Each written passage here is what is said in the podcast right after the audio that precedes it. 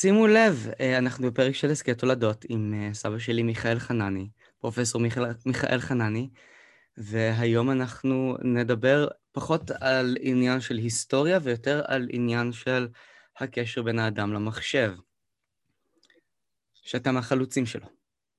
ש? אתה מהחלוצים שלו. כן.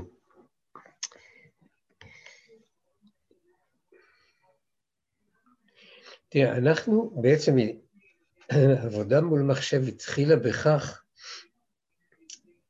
שחיפשנו דרכים לרתום את המחשב לצורכי האדם, כאשר האדם בעצם הוא המוביל והמחשב משמש לו כלי עזר.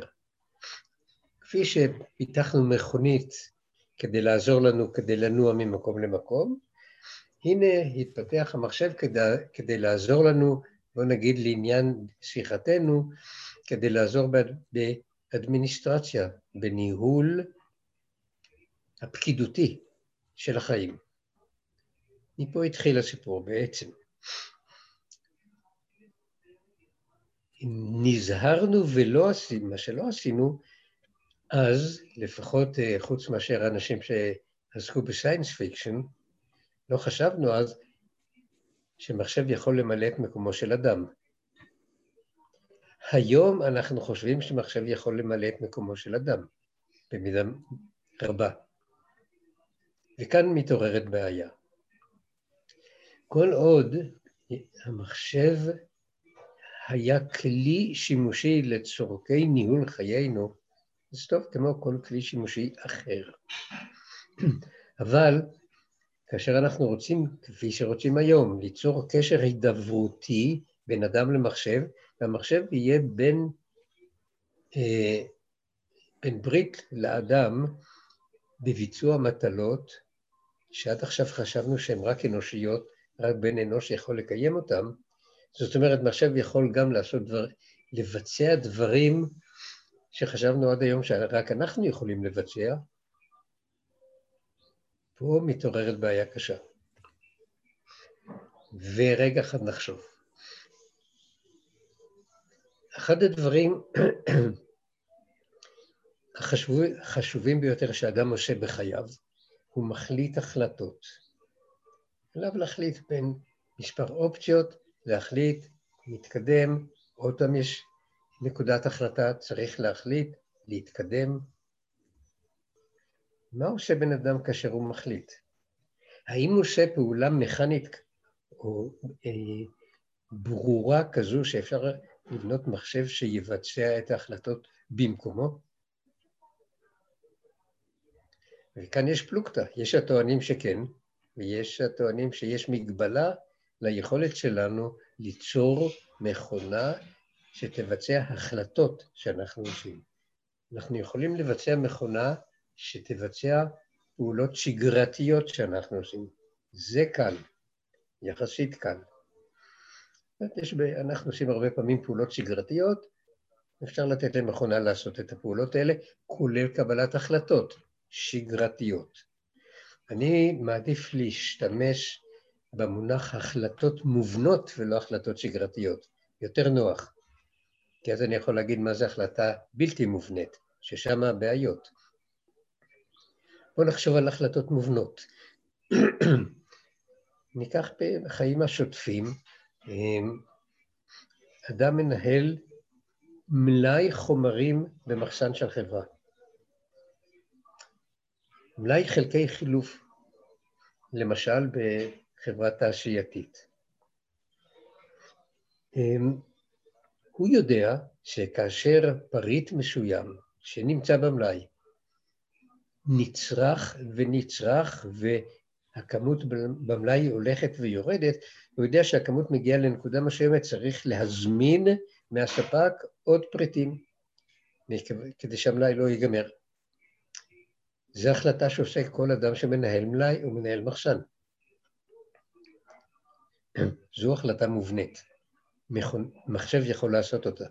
כותבים תוכנית, ובתוכנית המחשב רואה כמה יש במלאי, לקחו פריט, לקחו פריט, לקחו פריט, אופס, הגענו לנקודה שצריך להזמין, מוציא הזמנה לספק, בן אדם לא צריך להיות מעורב בזה. החלטה מובנית. זאת אומרת, יש החלטות באמת שלנו, של בני אדם יומיומיות, שנראה לנו שאנחנו מחליטים החלטה חשובה מאוד וגדולה, אבל בעצם זו החלטה פשוטה מאוד. זו החלטה שברגע שיש כל הנתונים, ברור מה נחליט. אין שתי אפשרויות. מאידך, אנחנו לפעמים מחליטים החלטות שאינן מובנות. זאת אומרת שגם כאשר יש בידינו כל הנתונים, עדיין ההחלטה היא לא חד משמעית. עדיין אנחנו מכניסים משהו מתוכנו כדי להחליט את ההחלטה הזו. ותכף אני... וכאן השאלה הגדולה, אם אנחנו יכולים באמת לבנות מכונה שתחליט במקומנו, זה רק עניין של טכנולוגיה, עוד קצת טכנולוגיה ונצליח לבנות, או שמהותית בלתי אפשרי לבנות דבר כזה. מעבר ליכולתנו לבנות מכונה כזאת. עכשיו, אני מאמין שזה מעבר ליכולתנו, ואני רוצה לה, כן, להציג כדוגמה.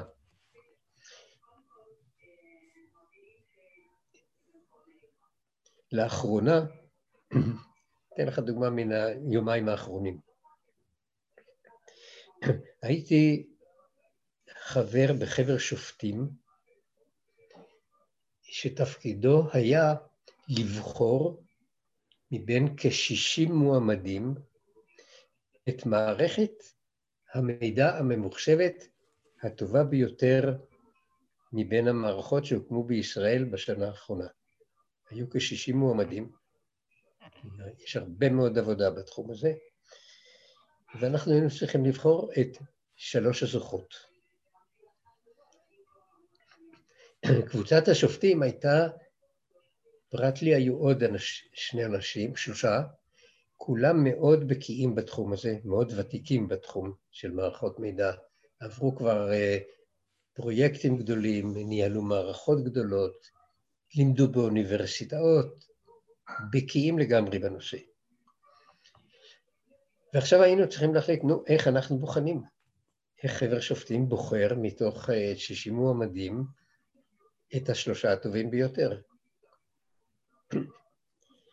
בנינו כמו שצריך, וכולנו גם למדנו וחלקנו גם לימדנו אה, את המקצוע שנקרא קבלת החלטות, ויש בקבלת החלטות טכניקות רבות, ויש, התורה היא מאוד מפותחת, על פי התורה הזו בנינו לנו מנגנון שלפיו נבחן את המועמדות, את העבודות המועמדות, שיהיה אובייקטיבי עד כמה שאפשר, ואולי אפילו אובייקטיבי לגמרי. ויש שיטות לעשות את זה. קובעים מראש אילו פרמטרים או אילו תכונות בכל עבודה אנחנו נבחן, קובעים מראש איזה משקל ניתן לכל אחת מהתכונות. אמ, לאחר מכן כל אחד בנפרד קורא את העבודות שהוגשו ונותן ציון לכל אחת מהתכונות שקבענו מראש עבור כל אחת, לכל אחת מן העבודות. ומשקמים ועושים חשבונות, ואז מתוך 60 העבודות החלטנו שאנחנו נגבש החלטה לגבי 25, ואת 25 אנחנו נזמין את האנשים שהקימו אותם שיציגו בפנינו, ונוכל לשאול אותם גם שאלות.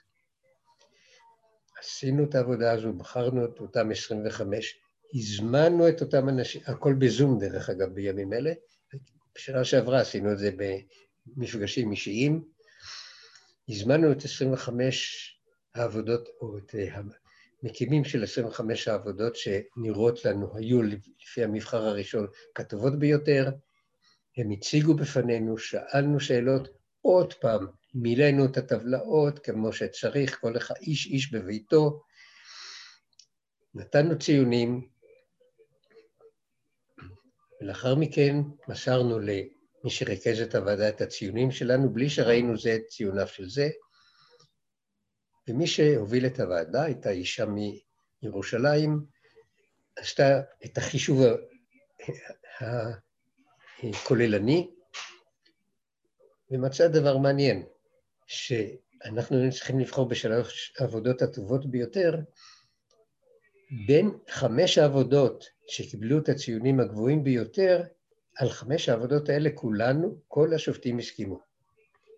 כלומר... זה תמימות דעים. כולנו נתנו ציון, נגיד, מעל ל-90 לחמש עבודות, והם היו אותם חמש עבודות. זאת אומרת ששם נמצאות הנבחרות, כמובן. ומה שצריך אז רק עכשיו לשבת ולדון מי עדיף על מי, וזה כבר, אה, שוב, על סמך יש מנגנונים שעושים את זה, כל מיני שיטות יש כדי לצאת אובייקטיביים עד כמה שאפשר, ואכן בחרנו בשלוש הראשונות, ראשונה, שנייה ושלישית. אתמול, דרך אגב, הענקנו את הפרסים, זה היה טקס מאוד יפה, הכל זום. אחרי שגמרנו את העבודה, כולנו אמרנו, משהו חסר. היו שם עוד עבודות שמאוד מצאו חן בעינינו, היה בהם משהו מיוחד, משהו יפה, משהו ששווה לשים אליו לב, רק לפי הקריטריונים הסופר אובייקטיביים שאנחנו בנינו, הם לא עמדו בתחרות והגיעו למקומות נמוכים יותר. ואמרנו, חבל, הרי זה עבודות נהדרות. אמנם הם לא עמדו בקריטריונים ולא קיבלו את הציונים על פי הקריטריונים המאוד מדויקים שנתנו, ואני כל הזמן מזכיר את המאוד מדויקים, כי זה אפשר להכניס למחשב, שזה מאוד מדויק. וליבנו אמר, משהו היה לא בסדר. הסתכלנו אותם, ושוב הגענו כולנו למסקנה שיש שלוש עבודות שהיינו רוצים שהם יזכו, ולא זכו. למה היינו רוצים? אני אגיד למה. האינטואיציה, הדבר שאנחנו לא יכולים לתת לו מידה כמותית, האינטואיציה, ולא סתם אינטואיציה, אלא אינטואיציה מבוששת על הרבה מאוד ניסיון. אינטואיציה שנבנתה עם השנים, האינטואיציה אמרה, הן טובות, אנחנו רוצים להתייחס אליהן. נתן, בחרנו בסוף, החלטנו לתת, כמו שניתן בפסטיבל הסרטים בכאן, אה, אה, עבודות, אה, איך נגיד? ראויות לשבח. ראויות לשבח על ידי צוות השופטים. נערת החן. נערת, כן. ראויות לשבח על פי צוות השופטים, ונתנו, דרך אגב, אחת העבודות האלה קשורה בשפה העברית. ושימושי אנחנו בקשר של אדם מחשב בשפה העברית.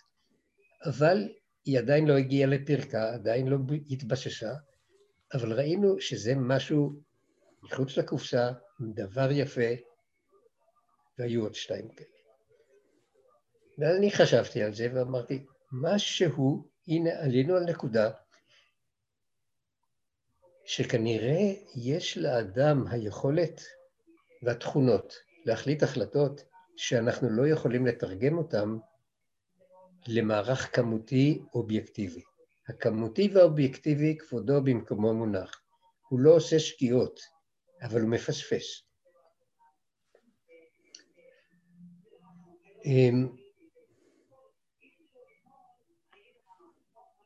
וזו נקודה שאני רוצה ככה קצת להרחיב עליה. אמ, והיא הנקודה הזו שאני קורא לה אינטואיציה אנושית. עכשיו אני אביא כדוגמה מקום ששם האינטו...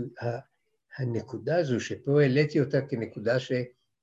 אמ, של בחירה אנושית, ובסופו של דבר משהו רך, שום דבר נורא לא קרה, ושום דבר לא יקרה אם היינו בוחרים כך או אחרת את מה שאמרה לנו האינטואיציה. אבל אני אתן דוגמה שהבעיה היא באמת קריטית ויכולה לעלות בחיי אדם.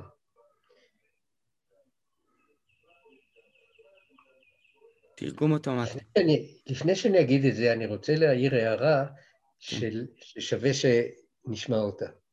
לפני זמן לא רב נאם הרמטכ"ל שלנו נאום שריגש את האנשים, לפחות בתחום שלי, שעוסקים או עסקו בעבר בניהול של מערכות גדולות, ממוחשבות, היו פעילים במערכות גדולות, בדברים מתוחכמים קצת יותר. ומה אמר הרמטכ"ל? זה היה בטקס הענקת פרסים לאנשים שהשיגו הישגים גדולים בתחום הביטחון. הוא אמר, אני רוצה לפנות לא לקהל שנמצא כאן ולא לזוכים, אני רוצה לפנות לאלה שיושבים בפינותיהם וחושבים על דברים שאף אחד מאיתנו לא חושב, והם אלה שיקדמו אותנו באמת. הם אלה שיש להם הרעיונות המיוחדים, וכשהם באים איתם לסביבה הקרובה אומרים להם, אה, זה לא שווה, זה לא יכול ללכת, מה אתם מבלבלים את המוח, תשבו אותם בשקט, אתם צעירים, יש פה אנשים בקיאים מכם שאומרים שזה לא שווה, וזהו הדבר שיקדם אותנו באמת, והאנשים האלה, אותם אני רוצה לראות. אני מחפש אותם. אני לא מחפש את אלה שיודעים. אני מחפש את אלה שיש להם אינטואיציה. אני חוזר עכשיו, וזה מאוד מצא חן בעינינו, באמת דבר דבור על אופניו, כמו שאומרים. ואני אתן דוגמה עכשיו שוב לבעיה שמתעוררת בין מה שהאובייקטיביות, החלטות אובייקטיביות יכולות לתת לבין האינטואיציה שלנו. ואני עכשיו, מכאן אני רוצה לחשוב מאין מגיעה האינטואיציה, כי בדוגמה הקודמת הבאתי אינטואיציה שמבוששת על ניסיון רב. אבל לפעמים אינטואיציה מבוששת על משהו פנימי של האדם שאנחנו לא מבינים. והנה דוגמה, כולם מדברים היום על המכונית האוטונומית. מה זה מכונית אוטונומית? שהנהג שלה הוא רובוט. יש, כתבו תוכניות לרובוט הזה שידע לנה, לנהוג את המכונית בדיוק כמו שצריך. משהו פנטסטי. הוא רואה אור אדום ברמזור, עוצר את המכונית. רואה אור ירוק, ממשיך לנסוע. הוא צריך אה, לפנות ימינה, אז הוא עושה טיק טיק טיק טיק באור שמכוון ימינה ופונה ימינה. הוא כמובן מסתכל עם הרמזור, מרשה לו לפנות ימינה. עושה, מגיע ליעדו, עושה משהו מדהים, הוא לוחץ על המעצור ונעצר על יד הבית שאליו הוא היה צריך לנסוע. פנטסטי. אפשר לבנות מכוניות כאלה, יש. והנה מכונית כזו, מה תעשה מכונית כאשר היא נוסעת לה במהירות תקינה במורד הרחוב, בצד ימין על המדרכה עומדת אימא עם ילדה קטנה, ובצד שמאל עומדת אישה מבוגרת שהיא סבתא של הילדה הקטנה. וכשהמכונית מתקרבת, הילדה אומרת, אוי, סבתא, עוזבת את אימא וטסה לחצות את הכביש כדי להגיע לסבתא. אין מספיק זמן לעצור את המכונית, המכונית תפגע בילדה. יש אפשרות, יש אפשרות לעשות מה שאנחנו קוראים מה שכל הנהגים קוראים לשבור את ההגה. כלומר, לפנות בצורה חדה שמאלה ולא לפגוע בילדה, אבל אז נפגע באישה, בסבתא. יש גם אפשרות לשבור הגה, זאת אומרת לפנות באופן חד ימינה ולהציל את הילדה, אז נפגע באימא. מה צריך לעשות האוטומט? בן אדם שנקלע לסיטואציה כזאת יעשה משהו. מה הוא יעשה? האם מה שהוא יעשה זה משהו מובנה, שאנחנו יכולים להכניס אותו כתוכנית למחשב, או האם מה שהוא יעשה זה משהו אישי פרטי שלו, רק הוא יעשה את זה. אדם אחר היה עושה משהו אחר. כי מה שהוא יעשה זה יהיה משהו שיתעורר מתוך עצמו ויגיד לו, את זה תעשה. ואני מניח שאנשים שונים, או מפני שנולדו שונים, או מפני שחונכו בצורה שונה, או מפני שחייהם התנהלו בצורה שונה, יחליטו החלטות שונות. וכשזה יגיע לבית משפט, בית המשפט ידע להתחשב בהחלטה הזו האנושית. אבל אם אנחנו נכתוב לתוכ... בתוכנית המחשב של... שמפעיל את אותו מחשב שמפעיל את הרובוט, מה לעשות במקרה כזה, התוכניתן שכתב את התוכנית הזו יועמד לדין באשמת תאונת דרכים. מה פתאום כתבת תוכנית שאם ילדה רצה בכביש, פונים שמאלה ופוגעים בסבתא? באיזה רשות פגעת בסבתא? ובן אדם עלול לפגוע, כן לפגוע, והוא יסביר למה הוא עשה את זה. וצריך יהיה להתחשב. זאת אומרת, יש בנו משהו פנימי שגורם לנו להחליט החלטות שאנחנו לא מסוגל, מסוגלים או לא יכולים, או אין לנו הכלים, ולא יהיו הכלים, להבין למה ההחלטה הזו דווקא. אנשים שונים יחליטו החלטות שונות, אין ספק. ולכן פה אני מגיע לנקודה שבעולם שבו אנחנו חיים היום, שבו אנחנו רוצים להעביר יותר ויותר יכולת קבלת החלטות לאוטו, לרובוטים, שיעשו את העבודה שבדרך כלל, את העבודה הזו שנקראת קבלת החלטות. במקומנו, אנחנו מגיעים לקיר. זאת אומרת, יש איזושהי נקודה שלא נוכל, לא נוכל לעבור אותה, כי אנחנו לא יודעים איך אדם מחליט, ולכן לא נוכל לכתוב תוכנית שמדמה את הדרך שבה בן אדם מחליט.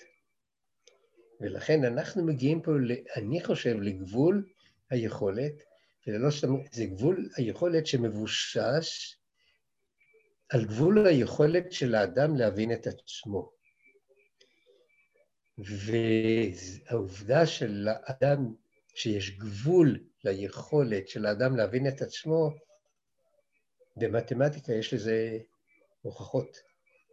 אלה ההוכחות הן אה, בעצם פותחו על ידי מתמטיקאי בשם גדל, גדל, מתמטיקאי אוסטרי שאחר כך חי בארצות הברית, שפיתח את משפטי גדל, שמה שבעצם הם אומרים, שאם יש מערכת לוגית שאיננה טריוויאלית, במערכת לוגית שאיננה טריוויאלית, מערכת קצת מורכבת, מערכת כזו איננה יכולה להבין את עצמה. אתה מדבר על המוח שלי? זאת אומרת, כן, אני מדבר, אני מדבר על המוח גם שלך. זאת אומרת שבשפה האנושית למשל, יש בה את כל החוקים של איך בונים משפט, אבל אין לה יכולת להבין כל משפט. אתה יכול לבנות משפט שעומד בכל החוקים, והשפה לא תוכל להבין מה, מה אמרת. זאת אומרת, משהו גדל הוכיח, אני מושך את זה משם לעולם שלנו, של ההחלטות אה, אוטומטיות, שיש גבול ליכולת שלנו להבין את עצמנו. אנחנו לא יכולים באמת להבין את עצמנו, ויש מקרים שבהם אנחנו מחליטים החלטות, ההחלטות הן שלנו, הן יוצאות מאיתנו, ואנחנו לא, יכול, לא נוכל להסביר מדוע החלטנו את ההחלטה הזו, וזו האינטואיציה.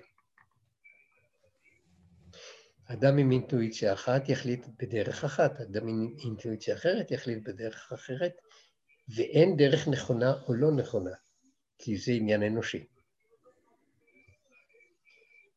פה אני רואה את הנקודה שבה אנחנו עומדים, ואני רואה את המגבלה, מצד אחד מגבלה של היכולת שלנו להעביר למכונה את עצמנו, מצד שני, מידה של תקווה. יש מותר האדם. מותר האדם הוא דווקא בזה שהוא יותר מורכב ממשהו משהו פנימי. עכשיו, אדם דתי יגיד, נו בוודאי, זה ניצוץ האלוהים שבו. אדם לא דתי יחפש את זה במשפטים מתמטיים. הם מחפשים את אותו דבר.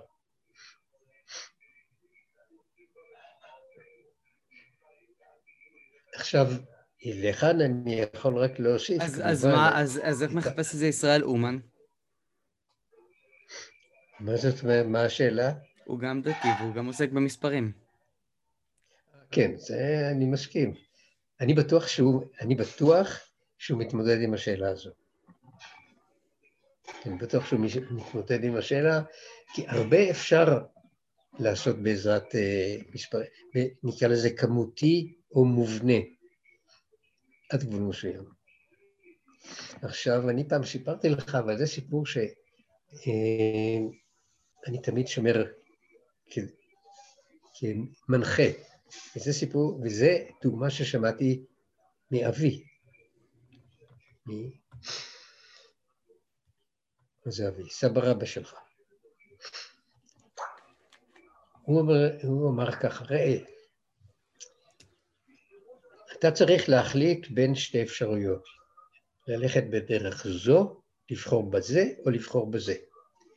ואתה יושב ובונה לך את הטבלאות, וחושב, ונותן הערכות של חיובי ושלילי לזה, והערכות של חיוב, לחיוב ולשלילה של הדרך השנייה, אתה לא מצליח להחליט מה עדיף. דרך אגב, כמעט כל ההחלטות שאנחנו מחליטים בחיים הן כאלה. יש כיוון, יש שתי דרכים ללכת או יותר. בדרך האחת יש יתרונות וחסרונות, בדרך השנייה יתרונות וחסרונות. אנחנו נותנים משקלות לחסרונות וליתרונות בכל דרך, עושים את כל החישובים, את כל מה שלמדנו בקבלת החלטות, יוצא תיקו, וזה יוצא הרבה פעמים. זאת אומרת, החישוב אומר, האפשרות הזו קיבלה לפי החישוב שלי 120, השנייה גם קיבלה 120. כי גם זו, יש לה יתרונות, אבל גם חסרונות, וגם זו לא מצליח להחליט. ואז מה תעשה? ואז הוא אומר כך, קח מטבע. למטבע שני צדדים. אם אתה ירושלמי, אתה קורא לצדדים האלה טור ויש. אם אתה תל אביבי, אתה קורא לזה עץ אופלי. מוכר? מוכר. מוכר. עץ אופלי זה מהמטבעות של תקופת המנדט. היה עץ בצד אחד ובצד שני כתוב פלשתיים. בירושלים, בירושלים היו שמות אחרים. קראו לזה טור או יס. ואתה אומר, אני אזרוק את המטבע. אם ייפול על הצד האחד, אני בוחר באפשרות הזו, ואם ייפול על הצד האחר, אני בוחר באפשרות השנייה. אתה מעיף את המטבע באוויר, תופ, תופס אותו, לא מסתכל מה, תופס אותו עודו באוויר, מכניס לכיס, מוציא את היד מהכיס, ואז אתה אומר לעצמך, כשהמטבע היה באוויר, מה באמת רצית שיפול? את זה תבחר.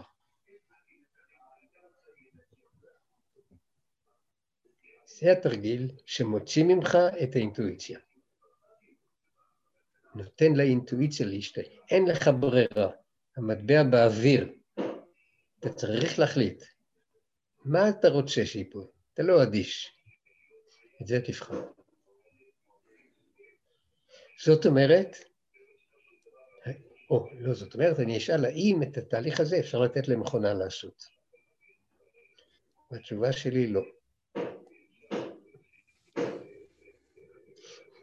זאת אומרת, על מה שאני מדבר פה, אני מדבר פה על משהו שהוא מותר, כמו שחז"ל אמרו, מותר האדם, אנחנו לא, והמותר האדם הזה הוא משהו שאנחנו לא מבינים.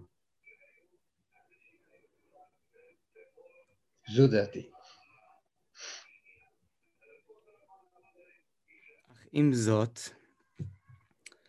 המכונה משעבדת את האדם. המכונה, אה, כן. היא גורמת לאדם, ואתה מדבר גם על השפה, ואתה מדבר על כל כך הרבה דברים, אה, וקבלת החלטות וכ- וכדומה, אבל...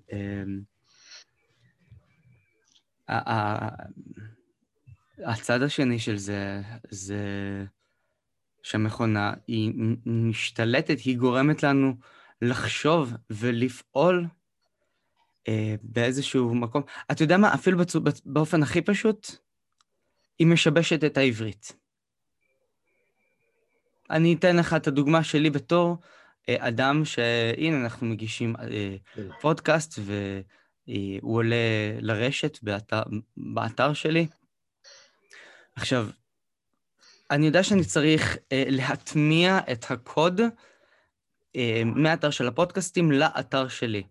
עכשיו, גם באתר של הפודקאסטים וגם באתר שלי, זה מאפשר לי uh, um, to embed. אני לא חושב על, על כך שאני צריך להטמיע. אני פשוט יודע שאני צריך לאמבד. אני צריך לעשות, אני חייב לעשות אמבד, וזה משתלט לי על השפה. זה מכניס לי המון מושגים באנגלית שהם uh, פועלים uh, בפועל, וגם uh, המחשב, uh, זה לא רק עניין של uh, קבלת החלטות, הרי גוגל, אם אנחנו מסתכלים על העניין הוא אומר מה יש. כדי לדעת מה יש באתר uh, שלי למשל, יש לו פרמטרים, הוא צריך, uh, אם אני כותב איזשהו uh, מאמר, הוא צריך להכיל מילות מפתח מסוימות, איזשהו היגיון מסוים, או איזה מה, שאני חייב להכניס לתוך הטקסט, כדי שגוגל יבין. עכשיו, אני בתור אה, אדם כותב,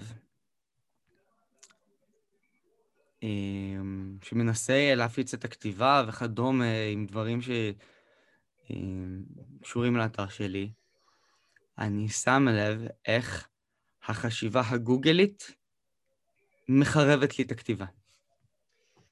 לא, אני חושב שפה אתה רומז, או מפנה, לפן השני שהזכרתי בראשית הדברים, כיצד משפיע, משפיעה המכונה על ההתנהגות שלנו.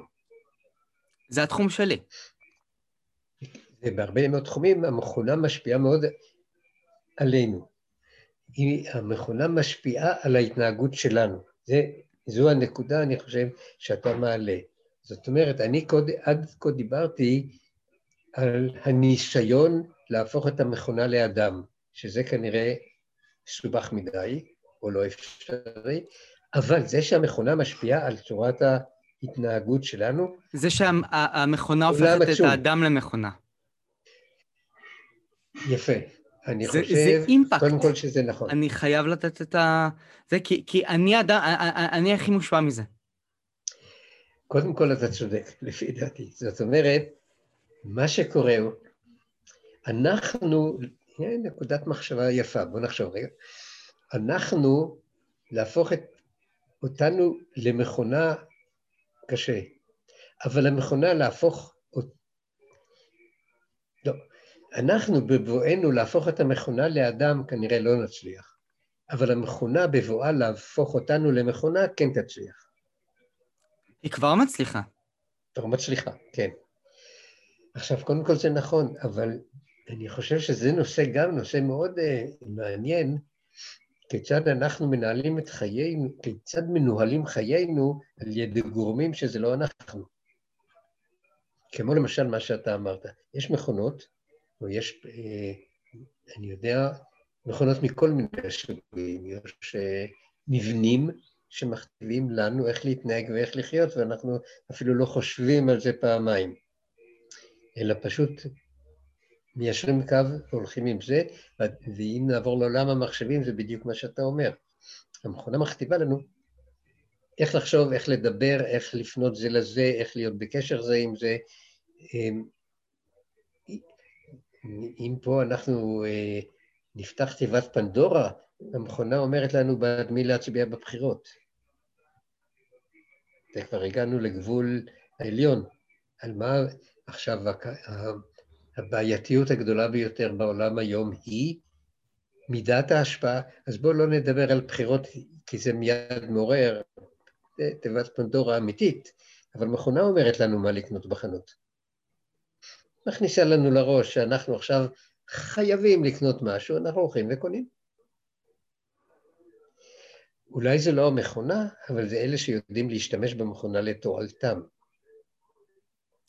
העניין הוא, העניין הוא האם כן. אנחנו יכולים להגיד למכונה שלום. האם יכול, אה, נגיד היום אדם, שנה מיום הקורונה, שנתיים מיום הקורונה, אה, באופן הכי פשוט. אתה יודע מה, אפילו לא להוציא אלבום, שזה, שזה טכנולוגי מדי. להוציא ספר.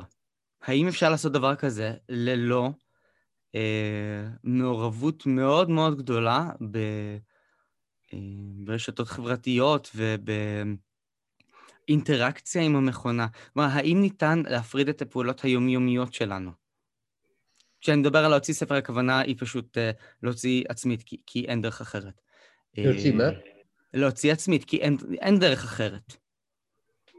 האם אפשר לבטא, לעשות את זה? להוציא? להוציא. את מה? להוציא לאור. להוציא לאור אה, רומן. אוקיי, אוקיי. אוקיי. כי, למש... כי אין דרך אחרת. זה או מימון המונים שכולל ש... אה, חיים אה, בתוך המכונה ותשלום אה, למכונה והשתעבדות למכונה. האם ניתן לעשות את ההפרדה?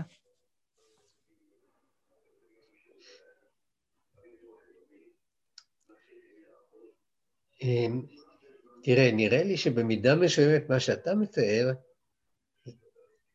זה המכונה באה אה, לשרת אותך בתחומים שעד עכשיו מי ששירת אותך בתחומים האלה היו גורמים אחרים, כמו אנשי מקצוע למשל.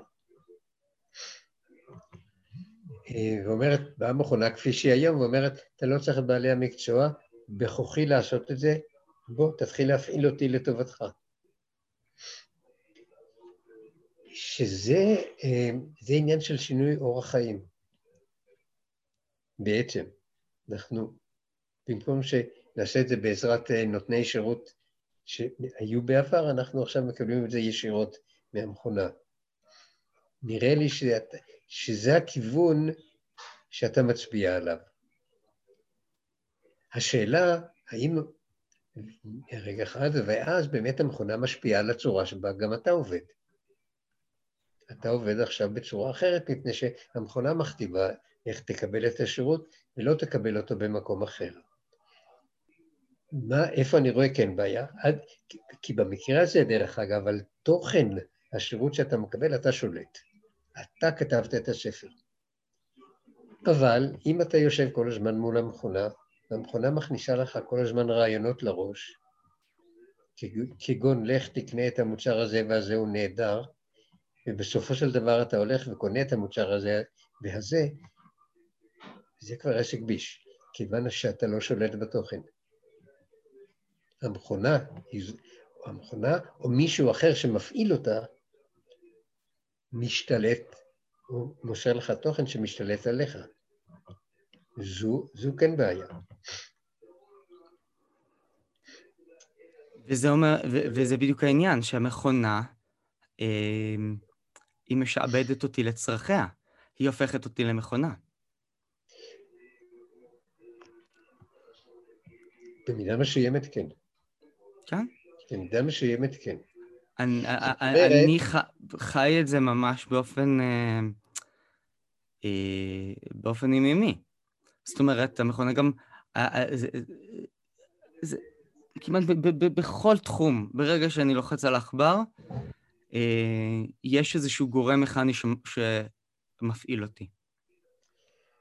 תראה, אתה יודע מה, אתה, אתה בעצם נותן דוגמא, מפרט ומדגים את הנקודה הזו של אנחנו לא יכולים להעלות את המחשב לרמה שלנו, אז אנחנו נותנים למחשב להוריד אותנו לרמה שלו. כן. זה מה שאתה אומר? פחות או יותר. זה משלב את שתי נקודות המבט.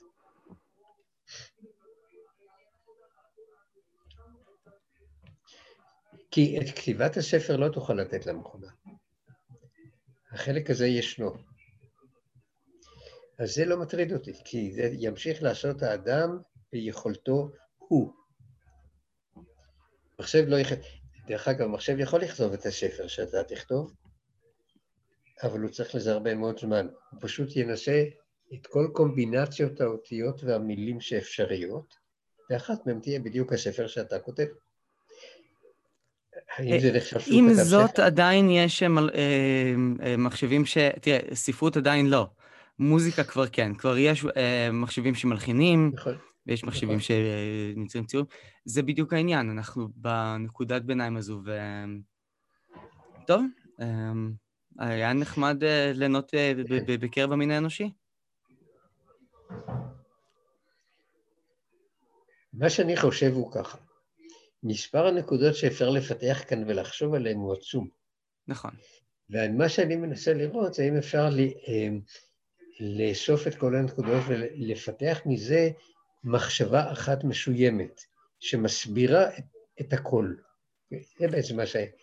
אחרת נצטרך כל הזמן לעסוק בדוגמה זו, דוגמה זו, דוגמה זו, וזה, דוגמה זו, אבל צריך למצוא משהו, משהו כוללני שקורה כאן, ואז אפשר יהיה להתמודד איתו אולי. והשאלה אם, אם כבר הגענו לנקודה, או עדיין אנחנו מנסים, אה, עדיין אנחנו עוסקים אה, בתופעות הפרטניות. אני חושב שאנחנו בינתיים עוסקים בתופעות הפרטניות. טוב, אני אישית לא יכול להסתכל מעבר, מעבר לכתב, כי גם הרבה מהתחומים האלה הם... אה, קצת קשה לי להבין אותם. אבל אה, בסדר, זו הייתה שיחה מאוד מעניינת, תודה רבה שהיית איתי.